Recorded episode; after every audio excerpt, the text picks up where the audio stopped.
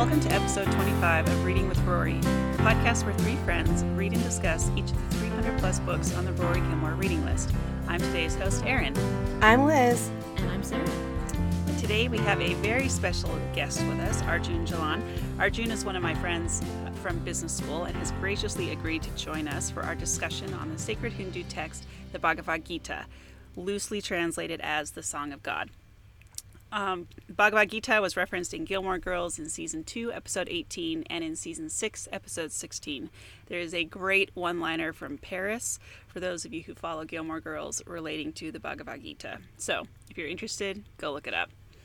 Now, before we begin, Arjun, as the new person to the group today, why don't you just tell us a little bit about yourself? Sure. Thank you, Erin, and thank you all of you for having me here. Uh, I currently live in Boston. As we talked about, I went to school with Erin, uh, and I'm originally from Kolkata, India. Um, and I am by no means the expert on the Bhagavad Gita. And in fact, if somebody told you they were, that person was probably lying. uh, Good to know. and uh, yep, and you know I've been in the country since 2014, and I do find conversations about religious texts uh, pretty interesting. Well, there you go. And We're Arjun and I. Yeah, Arjun and I have had some discussion previously about the Bhagavad Gita, so I figured he would be a good one to join us, and and also to be able to give us a little bit more of the cultural context and just sort of understanding how this book kind of fits in the larger realm of everyday life and everyday Hinduism.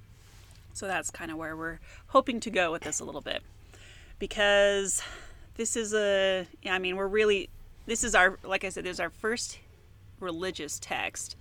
And so we're kind of going to be discussing the context of Hinduism in addition to the Bhagavad Gita, and that discussing an entire religion is very overwhelming. So we will do our best to approach this um, with as much detail as we can in the time that we have. So before we dive into our discussion, we're going to take a quick minute to do our Friday night dinner segment. So, what are we eating right now? Liz, you first. um, I made myself a little veggie burger. Um, Oh, how very healthy. well, it, it it's also very delicious. I like it's it's just really tasty. It has a little kick to it, and um, yeah, I've been eating them like a lot this summer. I don't know why. It's my go-to It's a good. It's a good go-to. I mean, Yeah, two thumbs up. Yeah, I'm a fan. Hey, plant based diet right there. that's right. See, you can support that. I'll tell you. I'll, I'll give you my recipe. Are you making them? no, mean, she's no. getting them from Trader Joe's. Our unofficial sponsor. They're still. I'm I preparing it. Counts. yeah, recipe. Okay. yeah, all right. Okay. Sarah, what about you? Um, well, I'm coming down with a little summer cold today. It feels like so. I am. I have a little cup of lemon echinacea tea and uh, Oh. yeah, and a little zinc lozenge, which is disgusting, and I'm hoping it will, you know, make. Why would you even shorter. say that that's what you're eating? That is so gross. You know, You should have stopped with the tea. Yeah, full just go with the transparency. well, you never know. I mean, people might want to come to me for health tips. I just want. eating a zinc lozenge. Gross. All right. But honestly, though, if you think you're coming down with a cold, Zicam all Yeah, the way. If you're going for doing. zinc, Yeah. Zicam is where the money's at. I know. They can also be an unofficial sponsor. um, okay, Arjun, what are you eating? Zicam. What, what was that? You're probably the brand ambassador for Zicam. Zicam because of- Yep. Yep. Uh, well, it started with my dad. He got really into it, and then it works. I'm telling you, it works. if totally you start works, taking it when you start, but you have to start taking it when you start feeling sick. And if you do that, then it's amazing how it. I think I kept a cold at bay for like three months because I did that. Wow, that, yeah, that sounds like a problem. I know, a three month cold. Like, Well, no, no, no. Meaning like I, I like I could feel it coming on. I would take Zicam and it would go away, and then I would feel like it was trying to come back. I would take Zicam and it would go away. Finally, it did hit me, but, um, but I kept it away for a long time. Anyway, why are we talking about that? Tell us what you're eating. I am in the middle of cooking. My instant pot is cooking some uh, nice honey sesame chicken, which I shall have with some quinoa once we're done. Ooh, Ooh. that sounds delicious. It's very fancy. Um, okay, great. So I'm eating. I had some cherries for a snack because it's cherry season, and a little protein pudding that I get from the gym that I go to. That's what I'm eating. Good job, Erin. Yeah, good job. Everyone, nice work. Except for Sarah. That's gross. Oh, okay. Well, she's a, she's. We're all trying to be healthy here. exactly. You know, in different ways. ourselves. Um, okay, so we have already talked about some pretty ancient texts, like our previous discussion in Beowulf. But as I mentioned, this is the first spiritual text that we're going to be discussing. Now, the dates on the Bhagavad Gita vary greatly, but it seems like it was written um, originally in Sanskrit, which is also kind of interesting, somewhere between the 5th century BC and the 2nd century BC. But again, scholars, uh, there's a big debate on exactly when it was written. What's interesting about the date is that the Gita, as it's commonly referred to, is tied to the Hindu epic poem Mahabharat. Did I say that right? Yeah, that was pretty good. Okay, great. Arjun is going to be our resident pronunciation expert today. We are going to rip that title away from Sarah and give it to Arjun. So, um, if we mispronounce things, feel free to correct us.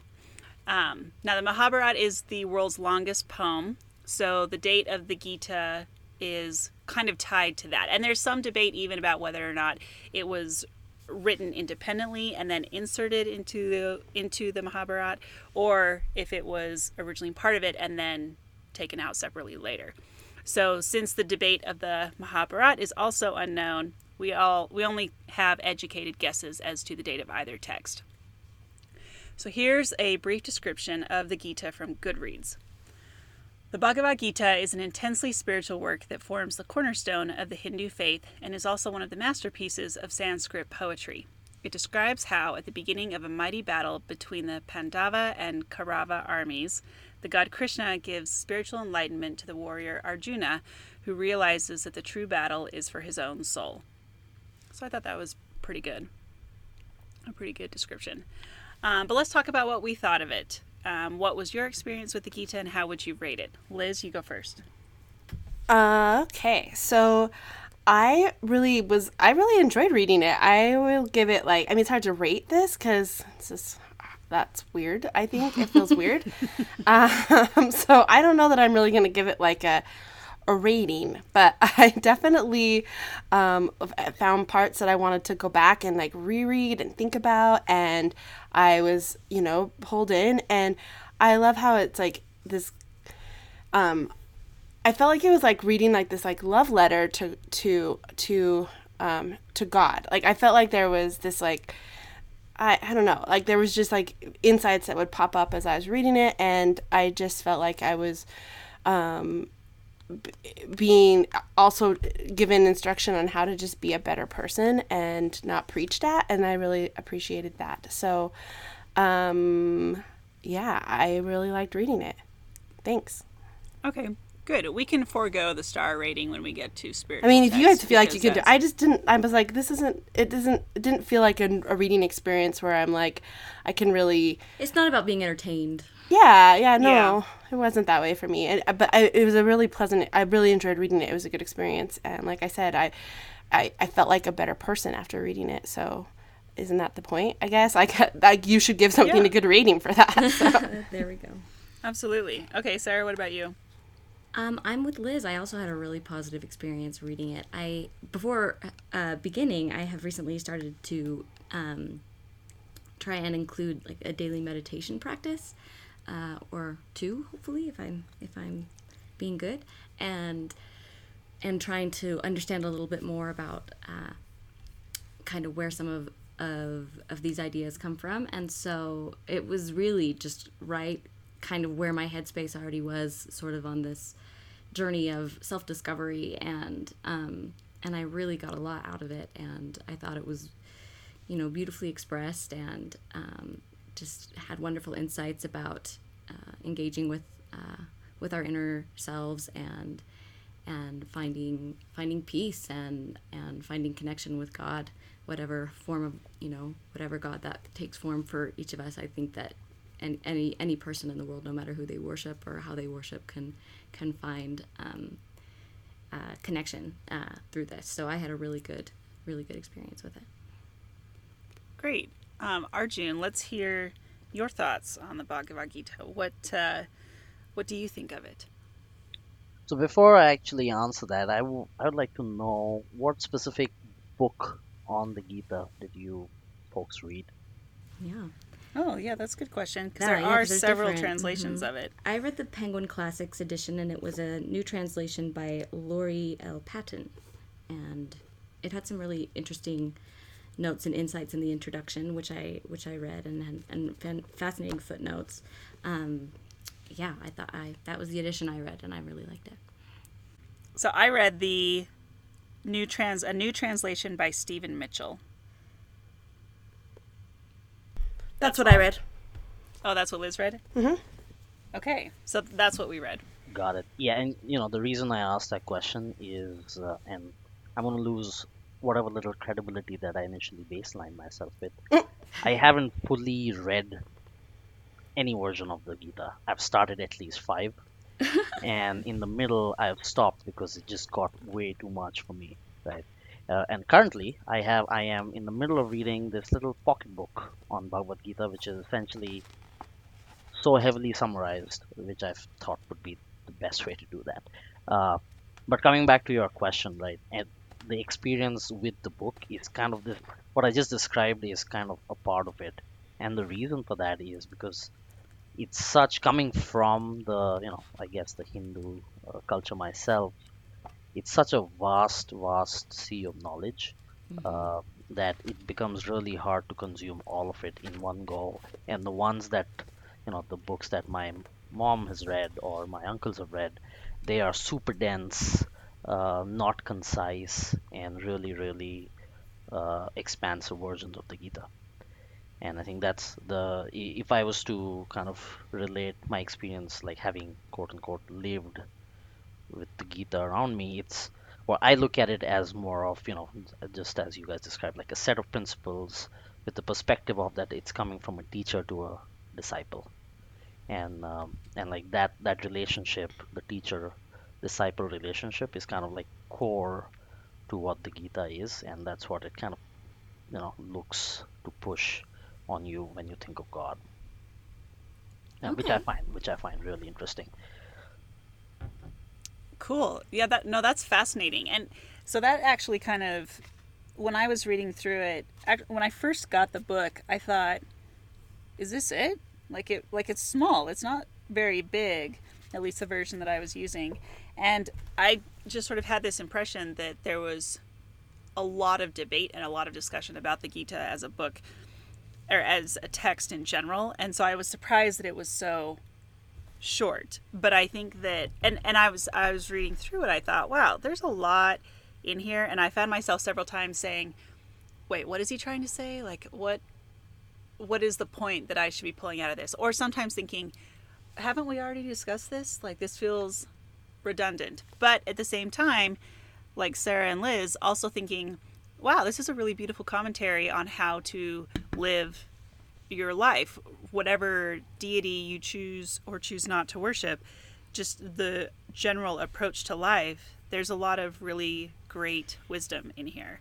And I really liked that. one thing um, in the introduction to the edition I read, um, as as far as kind of like a summary, or as close to a summary as she maybe got, was talking about it as, you know, a text you can consult when you're approaching making a decision. Like this is all about a decision for uh, this warrior Arjuna and whether or not he should go to battle and and consulting back and forth with with Krishna about this impending major decision and so and about whether you should take action and and um, and so I think with that frame in mind it was really helpful to me. I think that's that's obviously the you know we make decisions every day. We take action every day in our lives and and having guidance and making those decisions big and small is um, maybe what we look to a uh, a religious tradition for spiritual tradition for. So i found it um, very very helpful and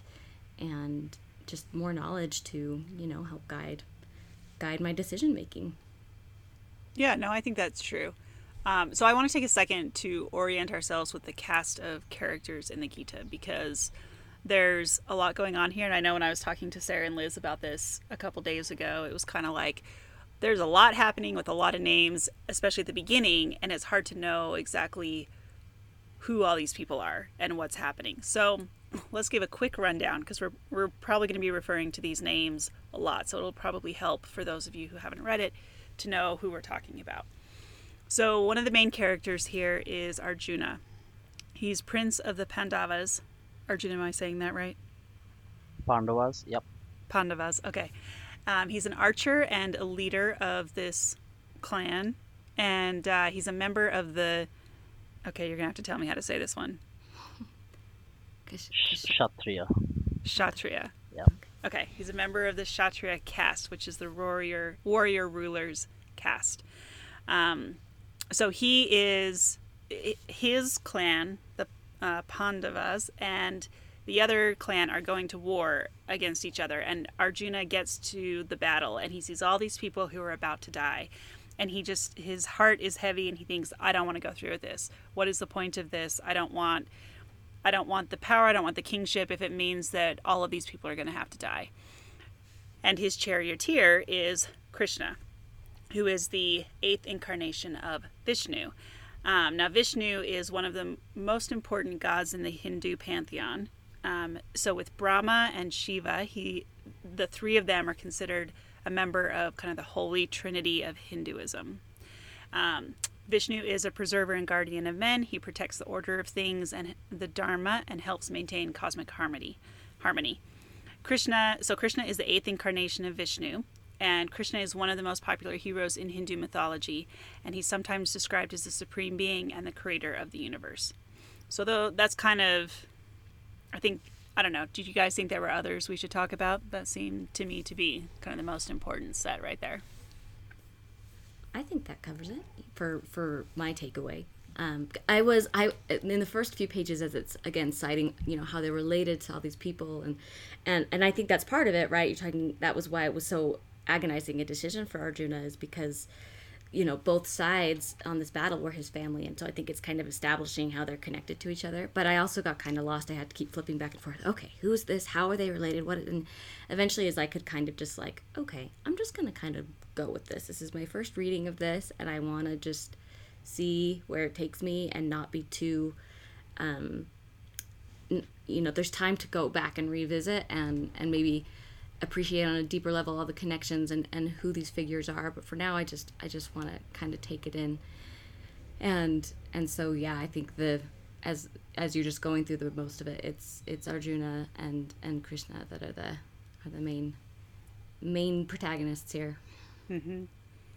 i also i read something that uh, a description of the gita that i thought was really well put. They were talking about how the gita factors into this larger poem, the um, Mahabharat, and the this poem is this huge, long, epic poem, longer than the Odyssey and the Iliad put together by quite a bit, and it's all about this massive war. And then you get to the part where the Gita is, and it's like everything stops, time stops, everything stops, and it, you're just in this moment where Arjuna is trying to make this decision about whether or not to engage in the war, and Krishna is giving him guidance and encouraging him to do so. And so th- that's kind of where we are in the midst of all this. It's just this one little moment in time where Arjuna has to make this big decision.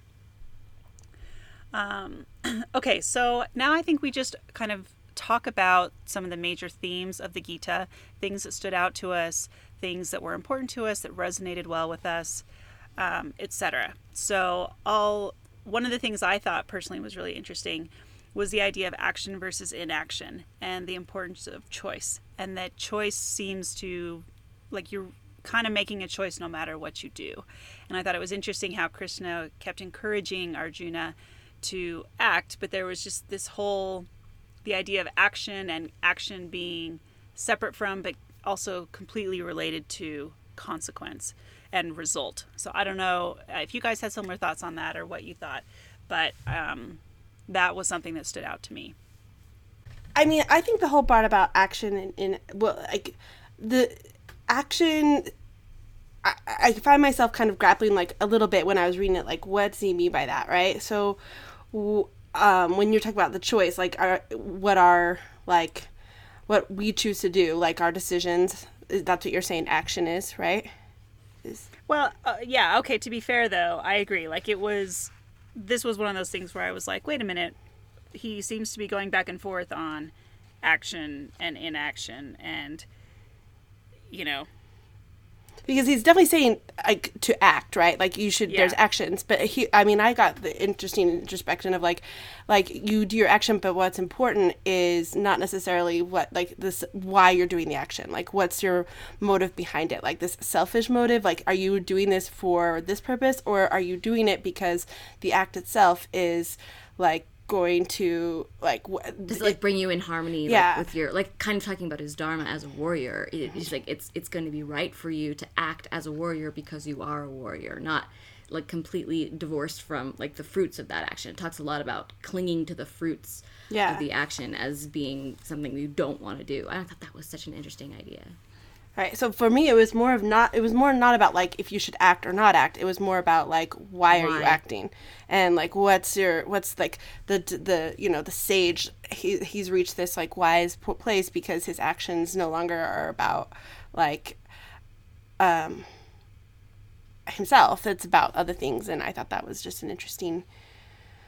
I mean, it's because it is a choice, but the choice is not necessarily like what to do. It's just why you're doing it, and like letting Yeah. go of some of the selfishness that's behind it, or some of the um, Yeah, if you have selfish motives, it's going to be I- ultimately destructive. Yeah, and like this whole the whole idea of desire and about like abandoning your desires and your cravings and trying to kind of overcome those. Like there's a, a stanza in here where it says where Krishna says, abandoning all desires, acting without craving, free from all thoughts of I and mine, that man finds utter peace. And uh, I don't know. Yeah, well, this is something that I was totally wrestling with, right? Like this whole concept of of desire, like that's freeing yourself from from desire is is how you can kind of yeah achieve peace and and I wondered yeah I wondered what you guys thought that meant. One, jump in here for a second. Please. Uh, but especially like the whole concept of karma and action and being detached from the fruits of uh, labor, right? It, kind of basically, to me, it always uh, the theme that stood out was like duty.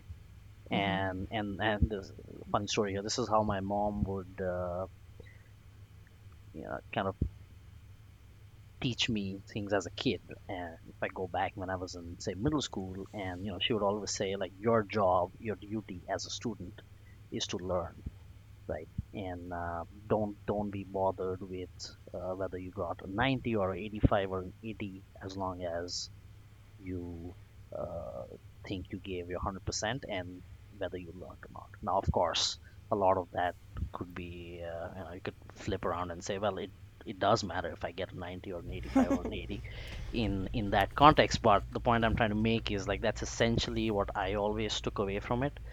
And you know, if if it if you're in the place to do a particular job, uh, to for lack of better term, uh, it's your duty to do that job to the fullest without caring about uh, everything else, right? And and how- how I kind of every time I'm in a spot, you know, the way I kind of try to look at it is like, okay, what are what are the variables I can control? What are the variables I can't? And you know, hey, the ones that I can't control, I shouldn't even be thinking about that. Um, so that that's that's the train of thought where I try to link my train of thought to the Gita with, not not saying that I live it on a day-to-day basis, but that's the whole like the the karma, the action versus inaction, and I find that very intriguing, especially like when I talk to my mom and my particular uncle who lives in Jersey. Um, they have a very similar mindset of uh, a being very interested in this text, and b they have a very similar mindset on how they approach problems, uh, which is well, I'm going to control what I can, and that's my job. Yeah, that's a, I, that's what I like too. That the idea of just like the detachment or like what can I control if I if I can't if I can't affect the result of that, then I'm not going to worry about it, right? Like it was a really good reminder of I don't know. I also was thinking like when you talked about the mindset, um, it reminded me a lot of like we talk a lot about growth mindset in my job, and it kind of reminded me of that too. Like you're, it, it's not about what your grade's going to be or the result's going to be, but like you can't achieve like it's about like learning and growing from the experience sometimes and like you can improve you can always improve and i don't know i just i'm a big i like the idea of that growth mindset it comes out really strongly to me in this book a lot so i i, I found i found that same kind of meaning that that's there. It's interesting that that's how it's sort of um, taught to you as a child right? That's awesome. But i actually have a question on that arjun. Like because I think that's really interesting because from I mean from my experience with you in school in business school like you're very dedicated to the work that you do and you do a very good job. Like you always did very well in school. And so it's interesting to me like do you approach that as just my duty is here to learn or my duty is to do the best that I can do. Because even though those are related, they're not exactly the same thing. Does that make sense?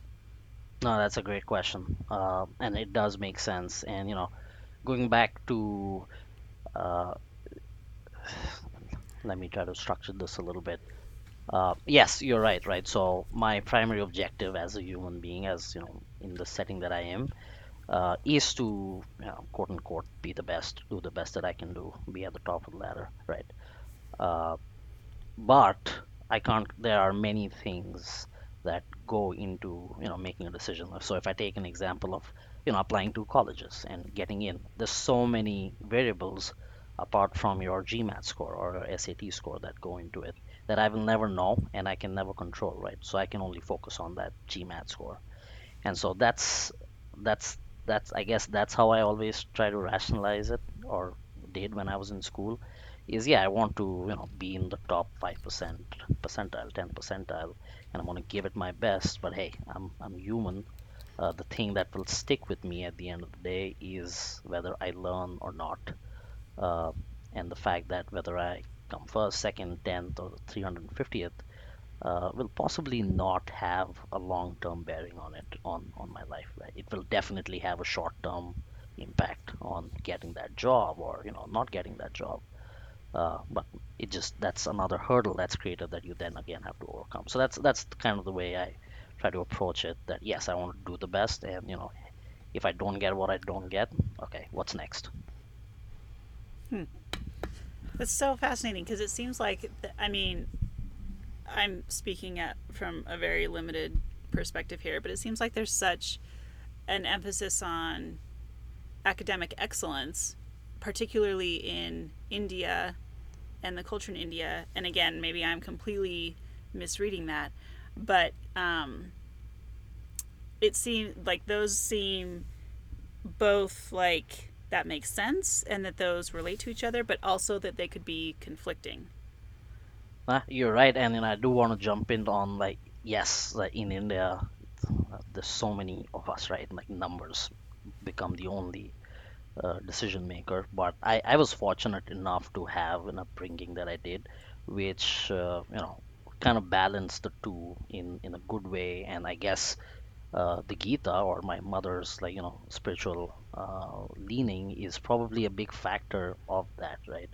Uh, where she's you know she's half in the spiritual world but half very much in the real world where numbers matter positions matter success matters and I guess she just, you know, my, my mom and dad both did a good job of blending that in together. Now, um, I think you told me once that your mom was a member or was part of the um, the priest caste or what is it called the Brahmin the cast? Brahmin caste yep the Brahmin caste yep. so does did that have an extra bearing on her devotion to the Gita? Uh, it's a good question. I'm gonna say indirectly, maybe yes, because uh, it, the caste system is a weird thing, right? It's it's not it's not that much prevalent, but at the same time, it is very much prevalent. What I mean by that is that it's definitely very much in action when you go to parts of uh, rural India or even you know rural parts of urban India, but isn't necessarily you know doesn't hold bearing in uh, the metropolitan life, right?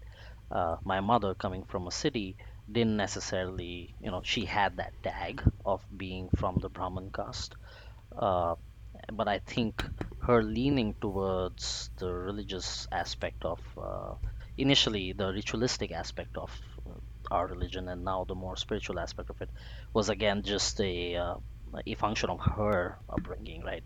She comes from a family where people love to read uh, love to know things and uh, are inquisitive in general. And they probably you know so i can date back that quality of being inquisitiveness. Maybe something that I guess is a takeaway from being a Brahmin. But on a day-to-day basis, right, she didn't learn or read and did things that she did because she was a Brahmin. She did it because she saw people around her doing it. Got it. And can you tell us just a little bit about like what the Brahmin like caste Yep. is, or like what the Brahmins do? Yeah, they are at the top of the spirituality food chain. They're the priests, and essentially their job role is to uh, expand the knowledge of Hinduism to the masses, right? So they are the link, quote unquote, between the plebeians and God, and that's the role they play in the society. And so how do they how do they disseminate that knowledge? Well, a lot of it is so. For example, right, the Hindu wedding ceremony that has to be performed by a priest. That priest is a Brahmin. Um, and you know they are basically essentially you have temples and you have different religious institutions and they are the guardians of those institutions. And you interact with them whenever you you know want to interact with God. And they tell you what the right ritual is. They tell you what the right uh, shloka is to read for whatever problem you're trying to solve and what God to worship for whatever problem you're trying to solve again so right they they provide the they interpret the the texts the Vedas uh, to the be- well they they should interpret it to the best of their ability but of course it's uh, it's very contextual right Yeah, Got it. And so is that something that uh, like do you have to go to have any sort of special training to be a Brahmin, or is it just by virtue of being born into that caste? Yeah, it's pretty much by the virtue of birth, uh, I think, in in these, and we can, you know, the, this would probably be a debate of an entirely different episode, the caste system in itself, but the way, but the way, unfortunately, and you know, I will not uh, shy away from saying that's unfortunate. It is based on birth, right? So if you are a Brahmin, uh, that's because your parents were Brahmin, and uh, that's how you get into the priestly class. Got it. And are men and women both? Do they both act in a priestly role, or is it just men, or like how does that work? It's mostly men. It's uh, it's men who are like if you you- you'll never have a woman getting you married in the Hindu tradition. It's always uh, the priest is always a man. Got it. But- Okay. That's fascinating. Mm-hmm. I, I wanted to read a small passage based on what we were talking about before. Um, and it's from the second discourse. And this is Krishna saying, Your authority is in action alone and never its fr- in its fruits. Motive should never be in the fruits of action, nor should nor should you cling to inaction. Abiding in yoga, engage in actions. Let go of clinging, and let fulfillment and frustration be the same. For it is said, Yoga is equanimity. Winner of wealth, action is far inferior to the yoga of insight. Look for refuge in insight, for those who are motivated by fruits are to be pitied.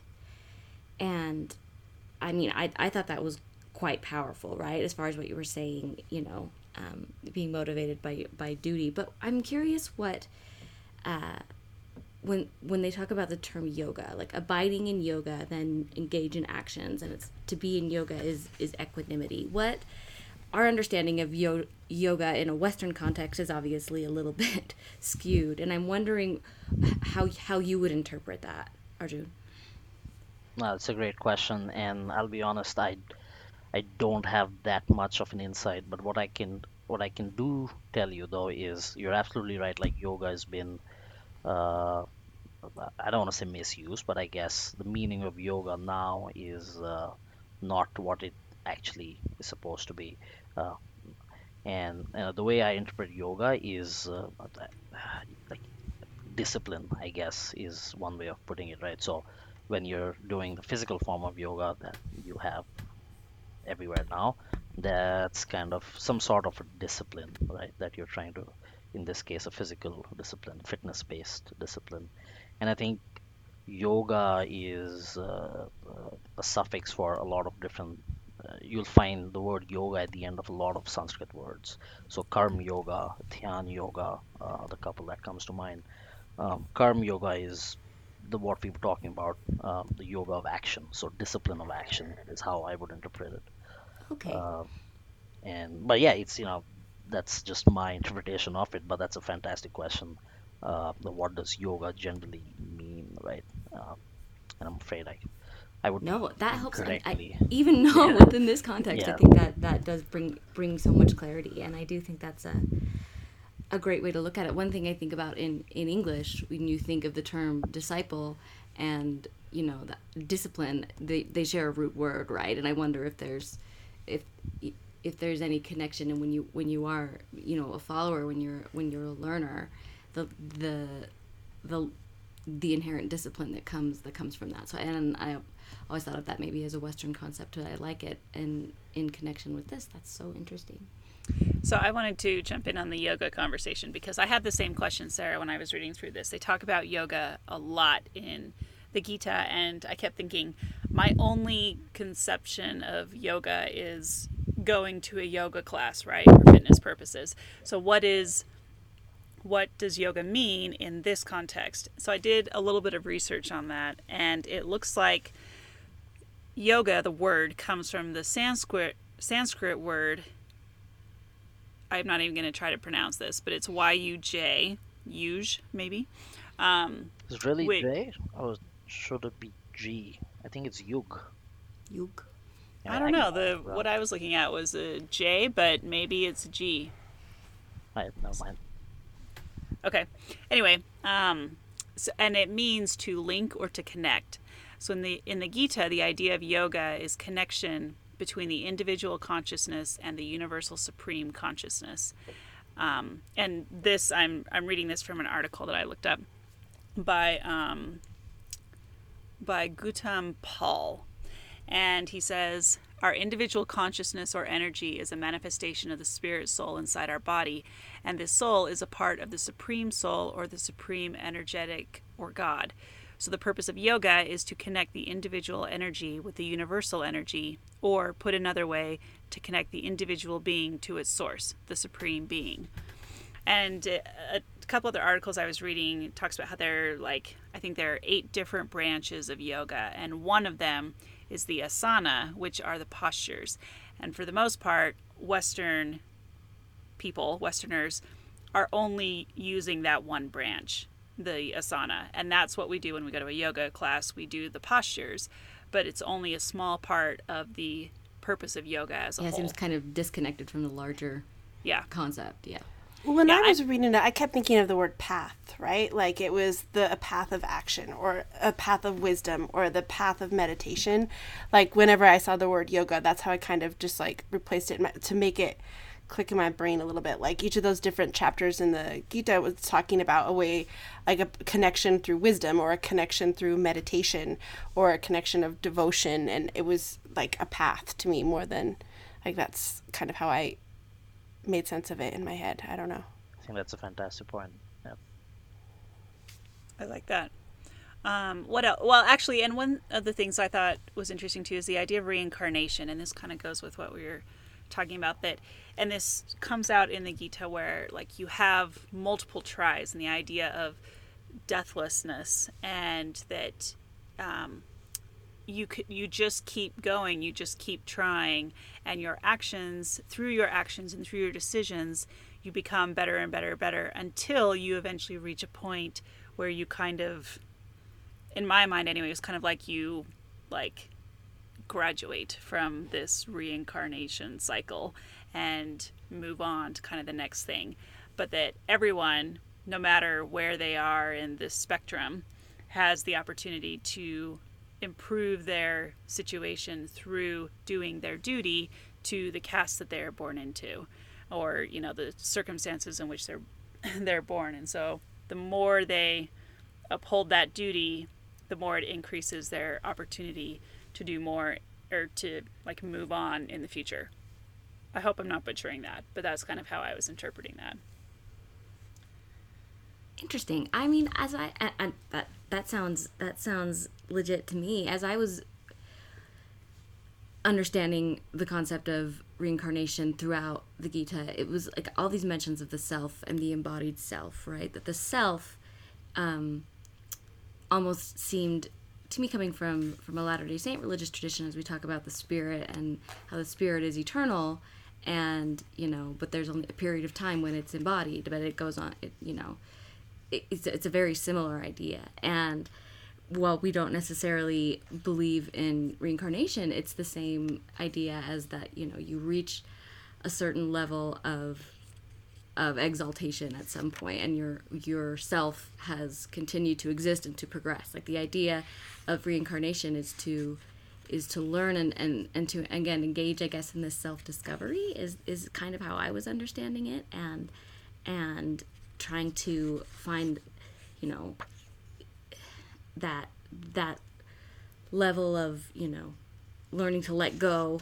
of of these desires and of and of all these things so that yourself can kind of reach reach the heights it, it it's it has potential to reach and and I think that's uh, not even just a Latter Day Saint tradition, probably uh, Christian tradition at large. But I think that this uh, this this idea of progression of of uh, yeah just like growing and learning and and you know the the phases in which we do it. But i thought uh, the idea the self as as the body has not much connection to the self. Therefore like krishna was like it's okay. If they die they're just you know that anyone who understands you know the notion of the self and the and the and the embodied self like it's okay you don't need to worry about that. And i thought that was so interesting. Yeah no i, I think that's um, that's more or less what i was trying to say. I, I think that's right on point. Like there's a, a section in here where arjuna says um, krishna what happens to the man who with faith but no self control, wanders from the path of yoga before he becomes mature. Hasn't he lost both the here and the hereafter? Doesn't he, rootless and insubstantial, fade like a cloud in the sky? This is the doubt that troubles me, Krishna. I beg you, please, help me, for only you can remove this doubt from my mind. And then uh, the Blessed Lord said, Neither here nor hereafter, Arjuna, is that man lost. No one who does good work will come to an evil end. Reaching the heaven of the righteous after uncountable years, that man will be born again to parents who are upright and wealthy. He may even be born to parents who have practiced yoga and are wise, though a birth as fortunate as this is more difficult to obtain. There he regains the knowledge acquired in his former life, and from that point on, Arjuna, he strives toward the ultimate goal. Unconsciously, he returns to his former practice. Even a man who asks about yoga goes beyond a formal religion striving with constant effort, cleansing himself of all sin through many lifetimes. At last, he attains the ultimate goal. Yeah. Maybe just the idea of self mastery. I think that was the term I was looking for, and I couldn't find it. But then it just well, that's a good term. um, okay, so let's see here. Are there any other topics or ideas that stood out to you guys that you want to discuss? Um, yeah. Um, there was one passage I wanted to share that was uh, um, that really maybe connected to, to something I'm, you know, currently going through and, and felt like it, it really spoke to me and helped me. And it, um, Uh, let me see if I can find it. Okay, so it says from wherever the mind wanders away, flitting unsteadily back and forth, one should direct it from that place to control in the self. Um, and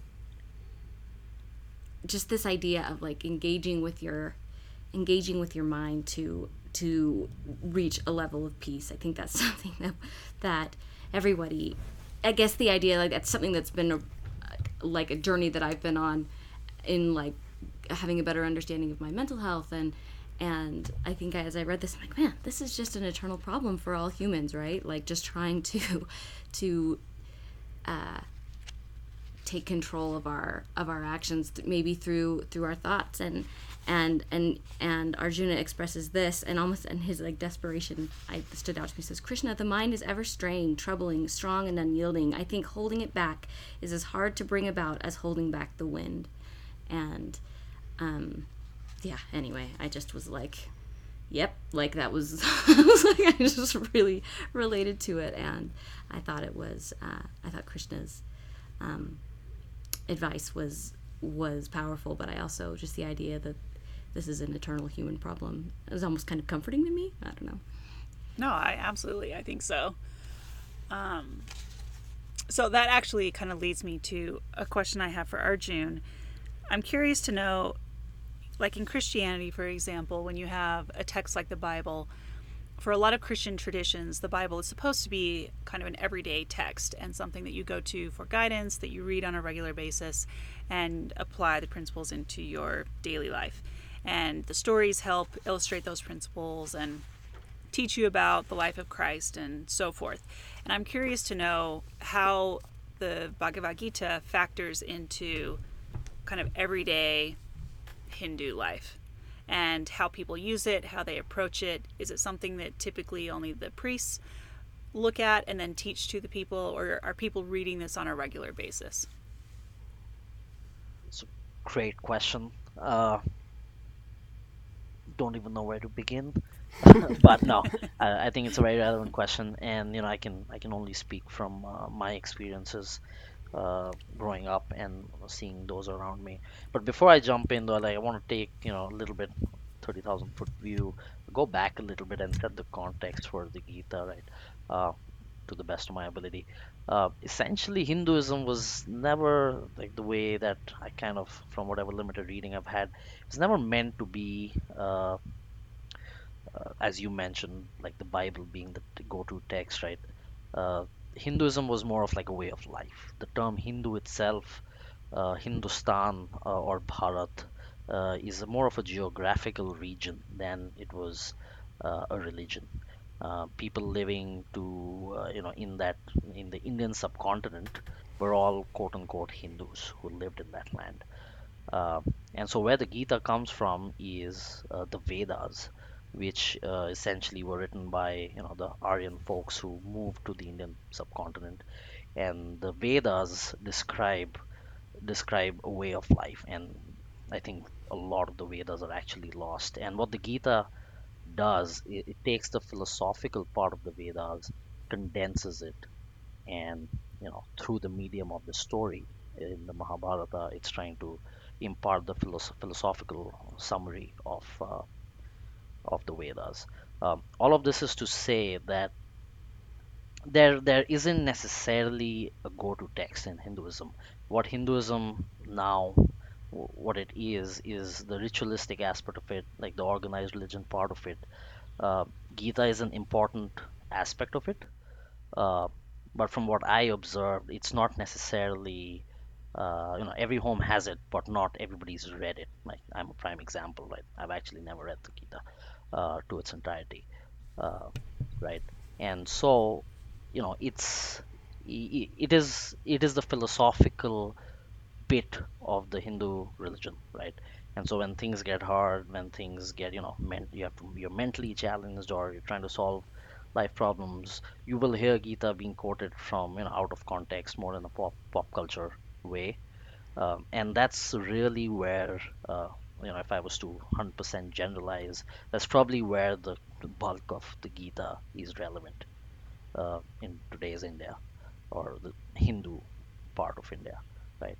Uh, so that's that's a little bit of a summary of what it is and you know its place in in uh, in the community because what kind of has overtaken um, and is more prominent is the ritualistic aspect of it uh, you know going to the temple and pleasing this lord or that lord uh, and doing these rituals that's that's the majority of the day-to-day hinduism uh, and not necessarily focusing on the gita i don't know if that ans- that rant answers your question at all No, no, that did. I thought that sho- showed it well because I did see that. Like it sh- tells you how to live. It's not necessarily like doctrinal, right? It's a, it's a It's like a, it show. It's like tips on like a peaceful, happy, wise existence, right? As opposed to, um, I think like, uh, yeah, what you were saying. Like it's just not necessarily like doctrine that you would follow to like learn more about rituals or anything. It's just a guide for living. So yeah.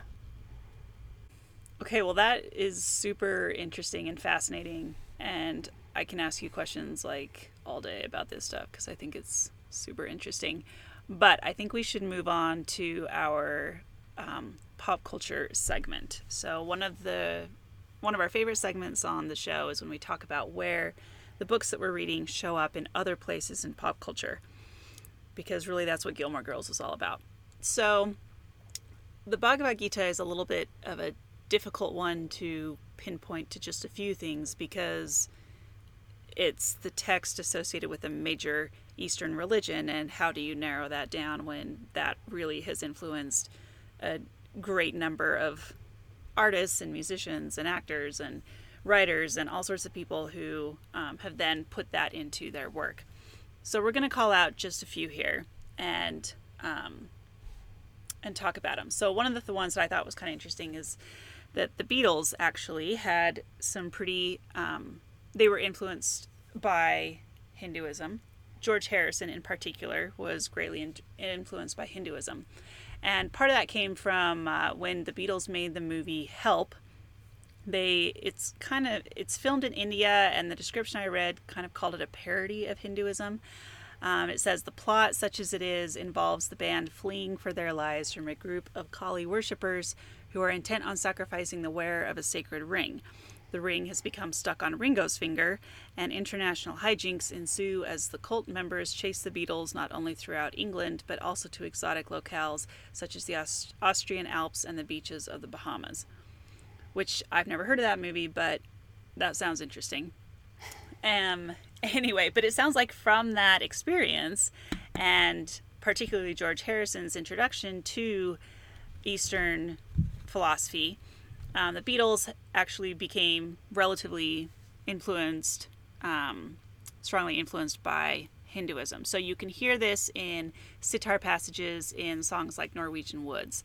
There are also reflections on this in Sgt. Pepper's Lonely Hearts Club Band, uh, the song Within You, Without You. John Lennon's song Tomorrow Never Knows and Paul McCartney's song The Fool on the Hill also have kind of references to the Gita and to Hinduism spread throughout them. George Harrison's solo song My Sweet Lord from the album titled All Things Must Pass actually has a pretty strong connection to the Gita. So it references Krishna in um, in the song. We're going to play a, a bit for you here.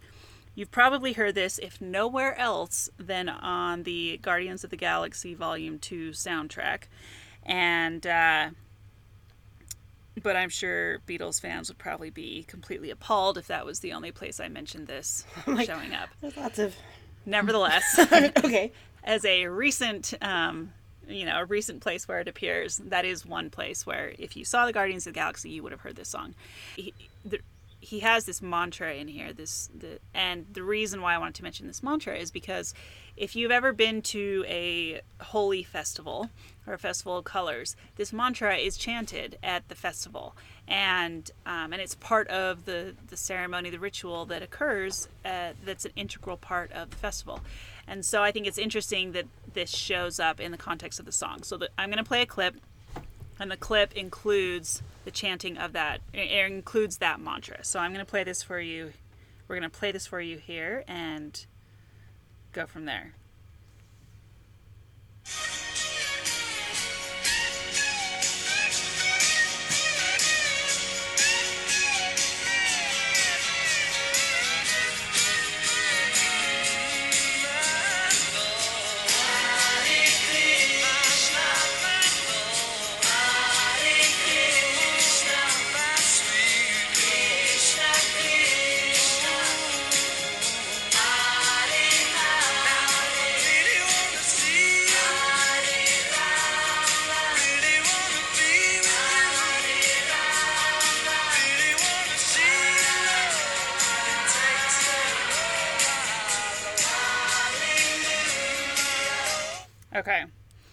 So I thought that was interesting. Like the first time I heard this song, um, I remember hearing that part and thinking, "Is he quoting that that mantra?" Because that's seems strange, but but yeah, he is. So there's one instance where it shows up. Um, then I'm going to play another clip. So if you want the jazzy story of the Gita or the story in jazz form, then look no further than Béla Fleck and the Flecktones because they have this great jazzy rendition called the Sojourn the Sojourn of Arjuna. God, that's a tongue twister. All right, here we go. So Arjuna and Krishna, you know, they're hanging out on the battlefield. Arjuna's like tired of war. He's trying to get out of this battle. So Krishna drops a little science on him. He says, you know, it's the way of spiritual growth. A man must go forward from where he stands. He cannot jump to the absolute. He must evolve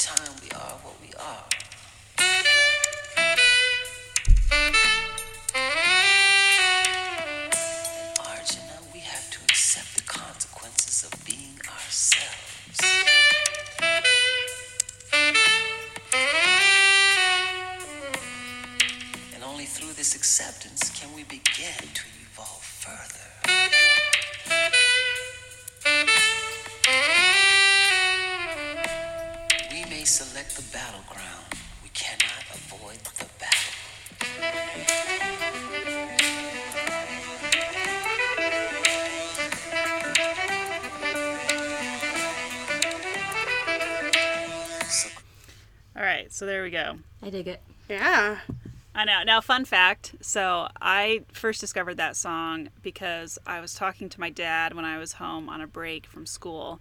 And I was just talking to him about school or something. And I mentioned our friend Arjun here in the course of my conversation. My dad was like, Arjun, did you know that there's a song called The Sojourn of Arjuna by Béla Fleck and the Flecktones? And I was like, no, I did not know that. and he pulled it out and showed me. And that's how I that's how I discovered that song. Arjun, did you know that song? I had no idea about the song. wow. Uh, so yeah, fun fact. Um, okay, and then again, Hindu themes, themes from the to show up in lots of different places. Um, a lot of Tolkien's work, Lord of the Rings, Star Wars, the whole idea of the Force, um, and becoming one with the Force. Even Star Trek, Dungeons and Dragons, Game of Thrones, The Matrix. Um, in fact, I read something that talked about how Neo's progress in the Matrix is like the progress of what a lot of yogis try to accomplish, and that they the general idea is that yogis who ha- who are like really far advanced can kind of manipulate the elements in certain ways, and that's kind of a parallel with what Neo goes through in the story of the Matrix. Um, the Karate Kid, The Legend of Bagger Vance, actually is partially based on the idea of the Gita. Matt Damon's character is um, Rannulph Junuh, and somehow that ties back to Arjuna. I don't know exactly how, but the point is the movie is based on the Bhagavad Gita in some ways.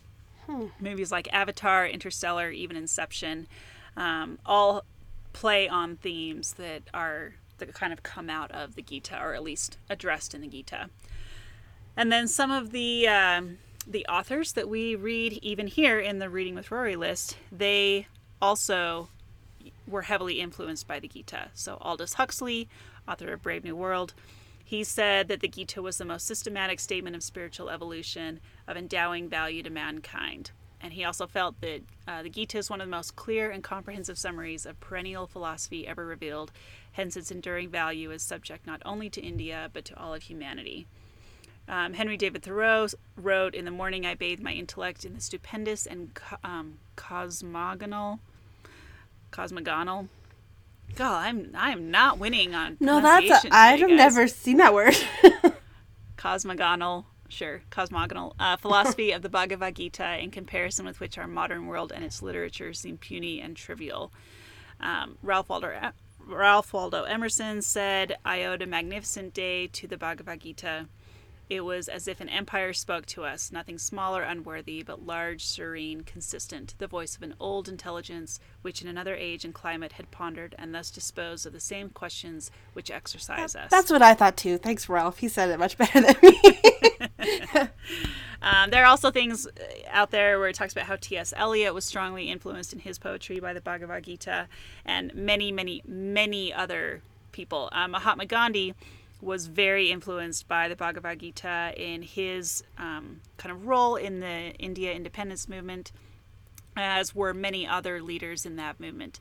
Um, and then I thought this was kind of interesting. Back in 2014, Prime Minister Narendra Modi of India um, pitched the Bhagavad Gita as India's biggest gift to the world, and she gifted a copy to President Barack Obama during his U.S. visit to India. And I thought that was kind of neat. Um, and then fun. Fun thing tying back to our discussion on Bel Canto, there's an opera by Philip Glass, and I'm it's uh, okay. I'll try to pronounce this. Arjun, you can you pronounce this? Satyagraha. There we go. Um, it's loosely based on the life of Mahatma Gandhi, and it's the second in a trilogy about important men who changed the world. But the text, which is taken from the Gita, is the um, the libretto is sung in the original Sanskrit, which I thought was kind of interesting. And it was commissioned by the city of Rotterdam and then first played there in 1980. The most recent production of it was at the Brooklyn Academy of Music in the fall of 2018. And then again, if you are in a city anywhere that has a Holi festival or festival of colors, um, which apparently is one of the largest events now here in Utah, which I think is interesting. Um, go to a Holi festival; they're they're really really interesting. Not just because you get to throw colored uh, powder at each other, but the cultural significance of it and the religious significance of it are really really fascinating so that is that for our pop culture stuff. There again, there are so many other places where this shows up. We've only really scratched the surface, surface but I tried to pull out some that were um, that seemed a little bit more interesting. So if you have other references where the Bhagavad Gita shows up, please let us know. We're happy to say them in future episodes, post them on our social media, etc.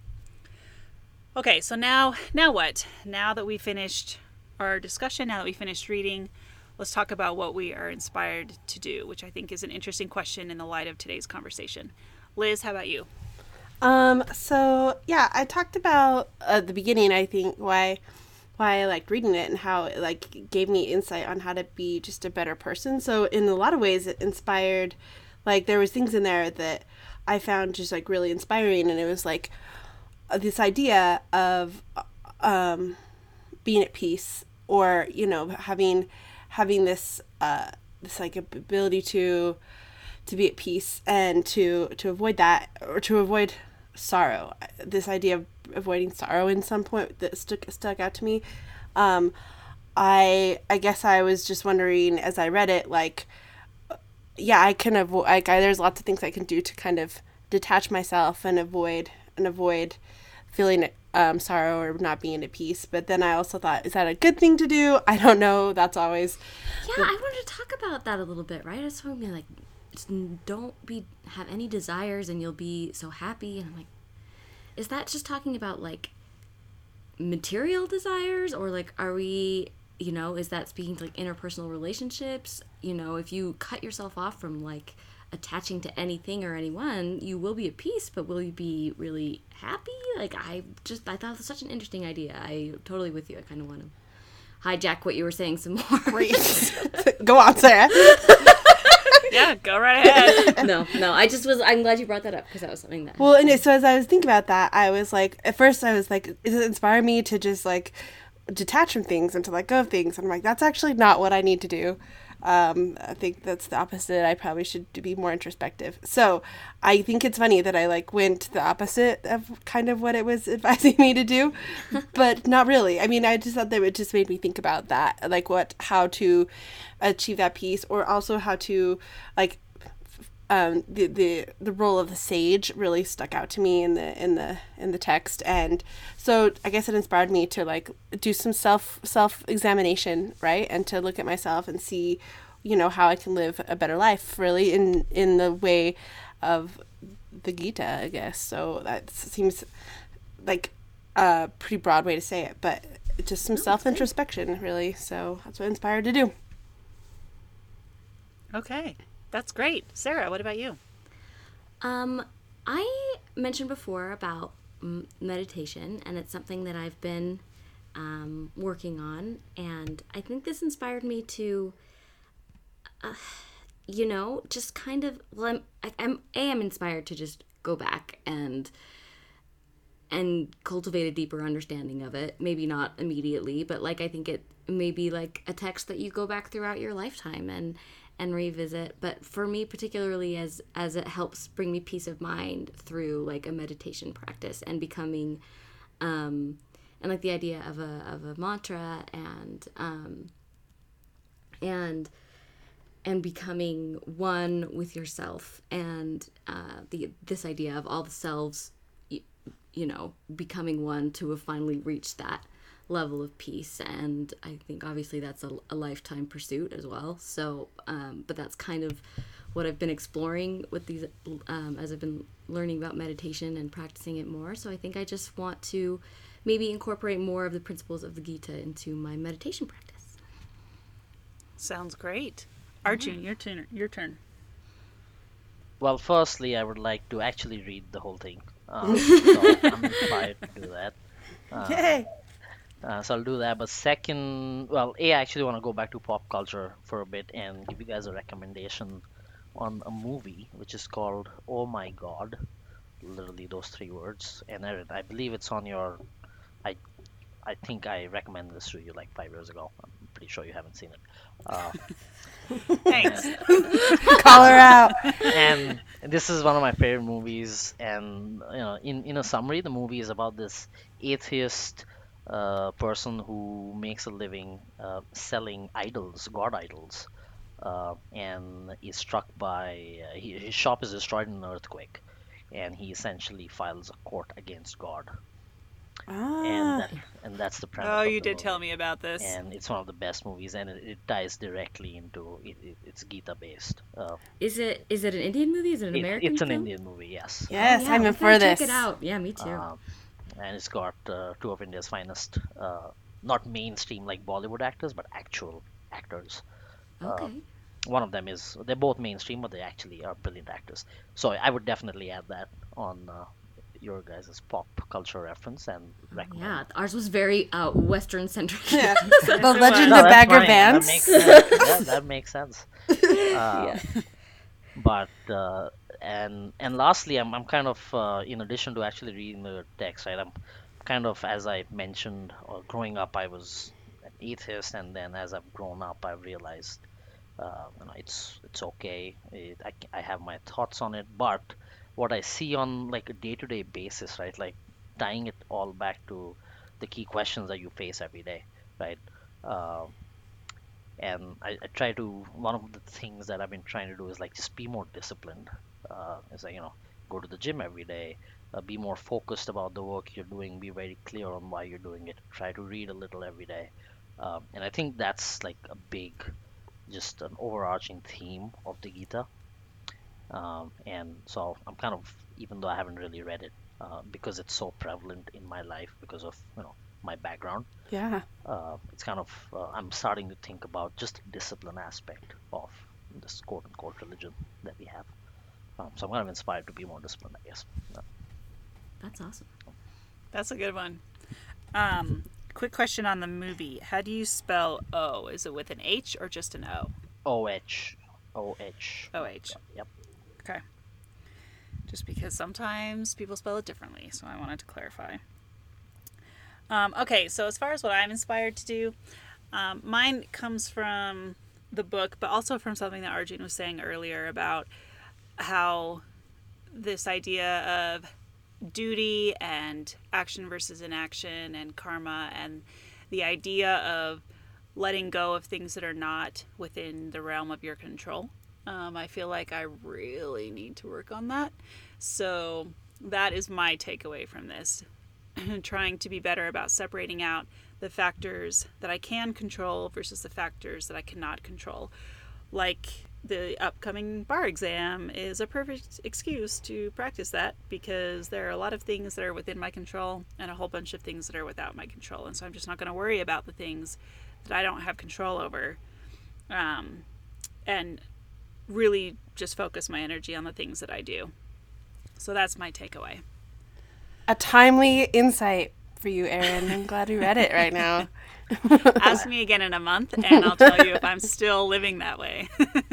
Wait, you're trying to tell me you do way too much than you should be? Is that, I, I Shocked. I'm shocked. You know, it weird, right?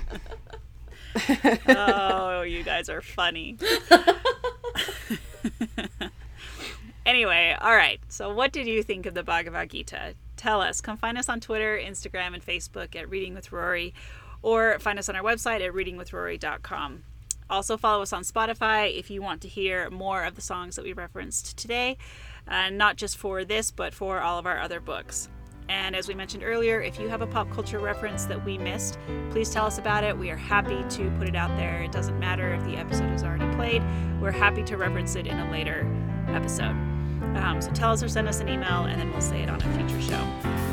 Next time on Reading with Rory, we're going to be discussing the Bielski brothers, the true story of three men who defied the Nazis, built a village in the forest, and saved 1,200 Jews by Peter Duffy. We look forward to having you join us. Until next time. Thank you, Liz, Sarah, and Erin, for having me. It was a lot of fun.